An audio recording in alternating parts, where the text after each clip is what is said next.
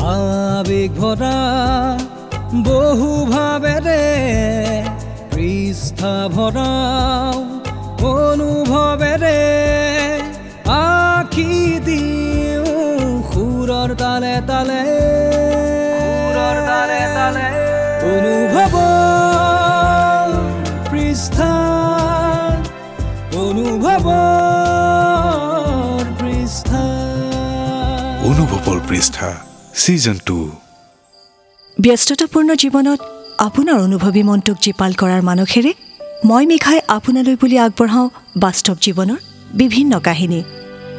আহক আজি শুনো এই কাহিনী। কলেজীয়া জীৱনৰ আজি প্ৰথমটো দিন। বহুতৰে মুখত প্ৰায়ে শুনা পাই আহিছিলোঁ যে জীৱনৰ প্ৰকৃত যুদ্ধখন এই সময়ৰ পৰাই আৰম্ভ হয়। আৰু এক মধুৰ সময়ো হৈ থাকে জীৱনৰ বিয়লি বেলালৈকে। মোৰো এই সময় হয়তো আহিছিল। যাৰ বাবে সত্ৰ নগৰী এৰি আহি যোৰহাটৰ বাহনা কলেজত বি এড এডমিশ্যন ল'লোঁ আৰু মেজৰ বিষয় হিচাপে বাছি ল'লোঁ অসমীয়া বিষয়টো। আচলতে যোৰহাটৰ কোনোবা এখন কলেজত পঢ়াৰ হাবিয়াস স্কুলীয়া দিনৰে পৰাই আছিল। সেয়ে বাহনা কলেজত আহি পঢ়িলোঁ। মোৰ মাহীৰ ঘৰ চাৰিগাঁৱত। সেই কিছু সুবিধা হ'ল। কিন্তু ইয়াৰ মানুহবোৰ মোৰ বাবে অচিনাকি। তথাপিও আপোন যেন লাগে ঠাইবোৰৰ লগতে মানুহবোৰো। এয়া শুনি আছে ৰেডিকাপশ্বিপ ninety four point three F এমত। আজিৰ অনুভৱৰ পৃষ্ঠাৰ এই নিশাটিত এক নতুন কাহিনী আধৰুৱা প্ৰেম। কলেজৰ ভিতৰত বাইকখন থৈ তাতে অলপ ৰৈ ইফাল সিফাল চালোঁ। কলেজৰ প্ৰথম দিন। মোৰ প্ৰথম ক্লাছটো মেজৰৰ আছিল। কিন্তু এছামিজ ডিপাৰ্টমেণ্টটো চিনি পোৱা নাছিলোঁ। কাক সুধিম কাক নুসুধিম বুলি ভাবি অলপ আগুৱাই গ'লোঁ। হাঁহি ধেমালি কৰি আড্ডা মাৰি থকা ল'ৰাকেইটাক দেখি সিহঁতৰ ফালে খোজ দিলোঁ। এক্সকিউজ মি এছামিজ ডিপাৰ্টমেণ্টটো কোনফালে আছে ক'ব নেকি? তুমি নতুন নেকি? হয় এইবাৰ এডমিশ্যন লৈছোঁ ডিগ্ৰীত। আচ্ছা। তোমাৰ লগৰে তেতিয়া ময়ো। By the way I am Rohit from Tarajan hi I am Nikhil Phukan from Majuli Majuli কোন ঠাইত ঘৰ গড়মূৰত গৈছা নেকি কেতিয়াবা সত্ৰবিলাকত গৈছোঁ আজিৰ পৰা তোমাৰ দুটামান বছৰৰ আগতেই আচ্ছা বাকী কথা পিছত পাতিম মেজৰ ক্লাছটো কৰি লওঁ নেকি নে কি কোৱা ব'লা ব'লা এনেদৰেই কলেজৰ প্ৰথম দিনটো পাৰ হৈ গ'ল প্ৰথম ল'ৰা দলটো দেখি ভয় লাগিছিল। কিজানি ৰেগিং কৰে নতুন বুলি জানি? কিন্তু নাই তেনেকুৱা একো নহ'ল। লগৰজনৰ লগত কথা পাতি গৈ থাকোঁতে জানিলোঁ তাৰ লগত থকাবোৰ চিনিয়ৰ হয় তাৰ চিনাকি। কলেজৰ যিজন জি এছ সেইজনো তাৰ সম্বন্ধীয় ল'ৰা হয়। তেতিয়াৰ পৰা মনত থকা ভয় শংকা অলপ কমিল। ক্লাছৰুমত সোমাই প্ৰথমৰ পৰা তিনিখন বেঞ্চ এৰি ৰোহিত মই আৰু এই চন্দ্ৰা বহিলোঁ। তাৰ লগত পিছে চিনাকি হোৱা নাছিলোঁ। সেই সময়লৈকে সেই প্ৰথম অৱস্থাত নামটো জনা নাছিলোঁ। পাঁচ মিনিটমানৰ পিছত মেম এগৰাকী আহি ক'লে আগৰ বেঞ্চখন খালী কৰি ৰাখিলে ভাল নেদেখি নহয়? পিছত বহি থকা ছোৱালীকেইগৰাকী আগলৈ আহাচোন। আগতে ক্লাছ হৈছে যদিও মেমৰ ক্লাছটো দেৰিকৈ হয় সেই ল'ৰা ছোৱালী বেছি নাথাকে সিমান সময়লৈ।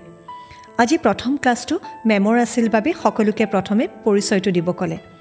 এটা সময়ত মোৰ পৰিচয় দাঙি ধৰিলোঁ। যেতিয়া মেমগৰাকীয়ে ক'লে তোমাৰ মাতটো বৰ শুৱলা গান গোৱা নেকি? মই কি ক'ম কি নক'ম ভাবি মাজে মাজে গাওঁ বুলি ক'লোঁ।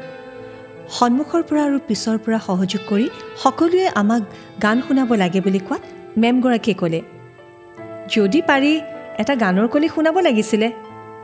মই সেই নীলোৎ পলদাৰ এটা গান গাই গুণগুণাই দিলোঁ। নাজানো কিমান ভাল গাইছিলোঁ কিন্তু সেই সময়ত লগৰখিনিৰ লগতে মেমগৰাকীৰ পৰা পোৱা সঁহাৰিবোৰে মোক ভাবিবলৈ বাধ্য কৰাইছিল এক মিনিটৰ বাবে যে মই চাগৈ সঁচাকৈয়ে ভাল গাইছিলোঁ। এনেকৈ ল'ৰা ছোৱালী সকলোৰে পৰিচয় দি শেষ হোৱাৰ পিছত মেমগৰাকীৰ পৰিচয় দিলে। নামটো অঞ্জলি নাথ। তেখেতৰ ঘৰ বোলে মাজুলীতেই। কিন্তু এতিয়া যোৰহাটতে স্থায়ীভাৱে থাকে। আজি আৰু চিনাকিহে হোৱা হ'ল সকলোৰে লগত। মেম ওলাই যোৱাৰ পাছত ৰোহিতৰ লগত ময়ো ডিপাৰ্টমেণ্টৰ ফালে ওলাই আহি ৰাস্তাৰ কাষতে থকা দোকানত সোমালোঁ। সি স্মকিং কৰে। সি এটা চিগাৰেট জ্বলাই ল'লে। মোক সুধিছিল খোৱা নেকি? মই নাখাওঁ বুলি কোৱাত ক'লে ভালেই এইবোৰৰ পৰা আঁতৰি থাকিব লাগে। নহ'লে এটা অভ্যাসত পৰিণত হৈ পৰিলে এৰিবকে নোৱাৰি দেখোন। নিখিল তুমি যে গান গোৱা বাহিৰত অনুষ্ঠান কৰা নেকি? নাই নাই আজিলৈকে গোৱা নাই। আৰু ইমানো ভাল যে মই নাগাওঁ। হেই তোমাৰ কণ্ঠত যাদু আছে। নিজে নাগাওঁ যদিও ভাল বেয়া চিনি পাওঁ দিয়া ময়ো। এইবাৰ কলেজৰ সাংস্কৃতিক অনুষ্ঠানৰ বাবে সাজু হৈ থাকা কিন্তু তুমি। এতিয়া বাৰু এইবোৰ বাদ দিয়া। মোৰ অলপ পিছত পাছ কৰ্চৰ ক্লাছ আছে। তাৰপিছতে আকৌ ইংৰাজী ক্লাছ। তুমি কি লৈছা পাছ কৰ্চ? এডুকেশ্যন আছে। তোমাৰ? মোৰ পলিটিকেল ছায়েন্স একেবাৰে শেষত আছে। নকৰোঁ আজি। হয় বাৰু শেষৰ সময়খিনি বৰ আমনি লাগেহে। বাৰু ফোন নম্বৰটো দিয়া। অ' লোৱা আৰু মোক মিছ কল এটা দিবা মই ছেভ কৰি ল'ম। বাই। দুয়ো এনেদৰে নিজৰ নিজৰ ক্লাছলৈ বুলি ৰাওনা হ'ল। চিগাৰেট শেষ কৰি নিখিলক লৈ আহি ৰোহিতে কলেজৰ জি এছ অংশুমান বৰুৱাৰ লগত চিনাকি কৰাই দিলে। অংশুমান যথেষ্ট ভদ্ৰ ল'ৰা। কথা কোৱাৰ শৈলী প্ৰায়ে নিখিলৰ দৰে একেই। নিখিলৰ কথা বতৰাই মানুহৰ মনত সাজ বহুৱাব পাৰে। সেই কম সময়তে অংশুমানো তাৰ নিজৰ ককায়েকৰ দৰেই হৈ পৰিল। এনেকৈয়ে সময়বোৰ যাব ধৰিলে। কলেজত ফ্ৰেচাৰ্ছ আৰম্ভ হ'ল। তাত মই গান গাব লগা হৈছিল। সেই সময়তো মোক ইমান মৰম দিছিল যে মই পাহৰিব পৰা নাছিলোঁ। কলেজৰ ল'ৰা ছোৱালীৰ লগত ছাৰ বাইদেউহঁতৰ ওচৰতো এটা চিনাকি নাম হৈ পৰিছিল নিখিল ফুকন। মোৰ এই নামটো। সেই ছাত্ৰ একতা সভাৰ নিৰ্বাচনত সাংস্কৃতিক বিভাগৰ পৰা মই প্ৰতিনিধিত্ব কৰিছিলোঁ আৰু বিজয়ী হৈছিলোঁ। আৰু আকৌ এবাৰ বাহনা কলেজৰ ছাত্ৰ একতা সভাৰ সাধাৰণ সম্পাদক হিচাপে জয়ী হৈছিল ককাইদেউ অংশুমান বৰুৱা। সকলোৱে চিনাকি এখন মুখ হৈ পৰাৰ বাবে কলেজলৈ সোমোৱাৰ লগে লগে দূৰতে থকাজনেও চিঞৰি মাতে। এদিন মই আৰু ৰোহিত ইংৰাজী ক্লাছটো কৰি আহি ওলাই আহোঁতে পাছফালৰ পৰা এটা শব্দই মোক পিছলৈ ঘূৰি চাবলৈ বাধ্য কৰাইছিল। নিখিল এক মিনিট ৰ'বা। ঘূৰি চাই দেখিলোঁ এজনী খুব মৰম লগা ছোৱালী। ওচৰ আহি পোৱাত সুধিলোঁ হয় কোৱাচোন? যদি সময় আছে ক'ৰবাত বহি কথা পাতোঁ বোলা। নিখিলে কোনোদিন মাতি পোৱা নাছিল সেই ছোৱালীজনীক। তেনেকৈ চিনিও নাপাইছিল। সি অলপ আচৰিতো হ'ল। লগ পাওঁতে বাৰু বহি কথা পাতে নেকি এনেকৈ? তাতে আকৌ ছোৱালী মানুহ তাই। যাওঁ নাযাওঁকৈ গ'লোঁ ৰোহিতক লৈ। উৎকট গৰম সেইদিনা। সেয়ে চাহ বিচাৰি গৈ বকুল এজোপাৰ তলতে বহিলোঁ। মই আৰু ৰোহিত তাই অকলে। কোৱা কি কথা আছিলে? সহায় এটা লাগিছিল তোমাৰ পৰা। কেনেকুৱা ধৰণৰ সহায়? মানে ইংৰাজী এছাইনমেণ্ট এটা কৰি দিব লাগে। মই নিজেই কৰা নাই। তুমি কৰি লোৱা তাৰপাছত মোক দিবা। মোবাইলটো দিয়া তোমাৰ। কথা বতৰাবোৰ বৰ কিবা ধৰণৰ। প্ৰথমৰ পৰাই কিবা এটা ভাল লগা নাছিল কথাবোৰ। আন ছোৱালীৰ দৰে লাজকুৰীয়া স্বভাৱটো যে তাই একেবাৰেই নাছিল। বৰ জবৰজং ছোৱালীজনী। মোবাইলটো মোৰ পৰা লৈ তাইৰ নম্বৰটো ছেভ কৰি তাইও মোৰ নম্বৰটো ছেভ কৰিলে। আনকি তাইৰ নামটো কৈ নগ'ল সেই মুহূৰ্তত। ময়ো নুসুধিলোঁ নামটো কি। কিন্তু মোৰ নামটো জানিছিল। মোবাইলটো মোক দি তাই আঁতৰি গৈছিল। ৰোহিত আৰু মই তাইৰ কথা ভাবি একো পাৰ নোপোৱা হৈছিলোঁ। আচলতে ছোৱালীজনী এনেকুৱা নে বেলেগ এখন মুখা তাইৰ আঁৰত আছে? ফাৰ্ষ্ট ছেমিষ্টাৰ শেষ হৈ ছেকেণ্ড ছেমিষ্টাৰৰ ক্লাছ আৰম্ভ হৈছিল। ছায়া ঘৰৰ পৰা উভতি আহিছিল। মই তাইক নিমাতী ঘাটৰ পৰা আনিব গৈছিলোঁ। ক্লাছ অফ থকাৰ সময়বোৰ একেলগেই থাকোঁ। হয় প্ৰথম অৱস্থাত ভাল নলগা সেই নাম নজনা ছোৱালীজনীৰ নামেই আছিল ছায়া। ৰোহিত আৰু অংশুমান দাৰ বাহিৰেও আন কিছুমানে আমাৰ সম্পৰ্কটোৰ কথা জানিছিল অৰ্থাৎ ছায়াৰ সৈতে লাহে লাহে মোৰ প্ৰেমৰ সম্পৰ্ক গঢ়ি উঠিছিল।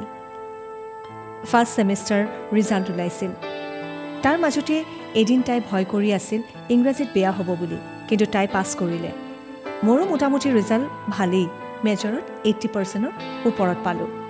সেইদৰে সকলো বাকী বিষয়কেইটাও ফাৰ্ষ্ট ক্লাছ নম্বৰে আছিল।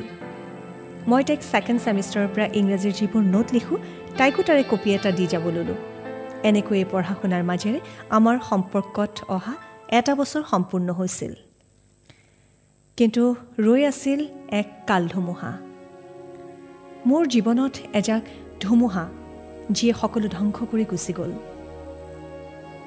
আৰু এনেকুৱা এডোখৰ ঘাঁ দি থৈ গ'ল যিডোখৰ ঘাঁ হাজাৰ মলমেও শুকুৱাব নোৱাৰে।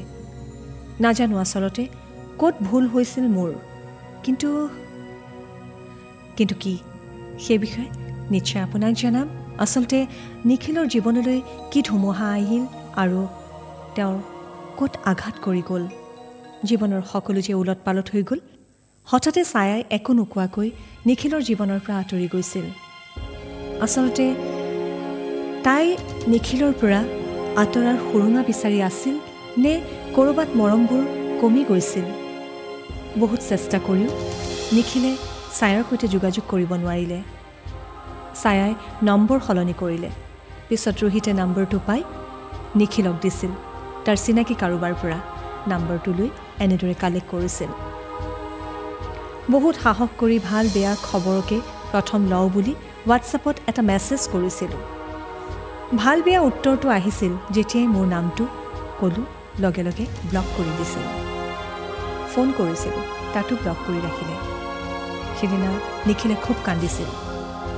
সেইদিনা আচলতে মই মানুহ চিনি পোৱাতেই ভুল আছিল নে মোৰ দুখ আছিল কোনোবা এটা দিশত। কিন্তু বিবেকে নকয় যে মোৰ ভুল হৈছিল। আৱেগক নিয়ন্ত্ৰণ কৰিব পৰা নাছিলোঁ। ইমান বেছি ভাগি পৰিছিলোঁ মই জীৱনৰ শেষৰ সময়লৈকে থাকিম বুলি পণ লোৱা মানুহবোৰে আৰু একো বিশেষ কাৰণ নোহোৱাকৈ একো কাৰণ নেদেখুৱাকৈ এৰি থৈ যাব পাৰেনে? হাজাৰটা প্ৰশ্ন উত্থাপন হয় কিন্তু উত্তৰ দিওঁতা যে কোনো নাই। এতিয়া ছায়াৰ পৰা আঁতৰি থকা এটা বছৰেই হ'ল কিন্তু আজিলৈ কোনো এটা মেছেজ এটা ফোন নাহিল। ছায়া ঘূৰি নাহে নালাগে। তথাপিতো কিন্তু তাইৰ প্ৰতি থকা মৰমবোৰ আজীৱন এনেদৰেই কঢ়িয়াই লৈ ফুৰিম। মাথো কামনা কৰিম যে তাই সদায় ভালে থাকক কুশলে থাকক। এয়া আছিল আজিৰ অনুভৱৰ পৃষ্ঠাৰ আন এক কাহিনী আধৰুৱা প্ৰেম। এনেদৰেই অনুভৱৰ পৃষ্ঠাত প্ৰতি কাহিনী শুনিবলৈ পাব গীতৰ মাজেৰে প্ৰতি সোমবাৰৰ পৰা শুকুৰবাৰলৈ নিশা দহ বজাৰ পৰা বাৰ বজালৈ। আবেগ ভৰা বহু ভাবেৰে পৃষ্ঠা ভৰাও অনুভৱেৰে আখি দিওঁ সুৰৰ তালে তালে।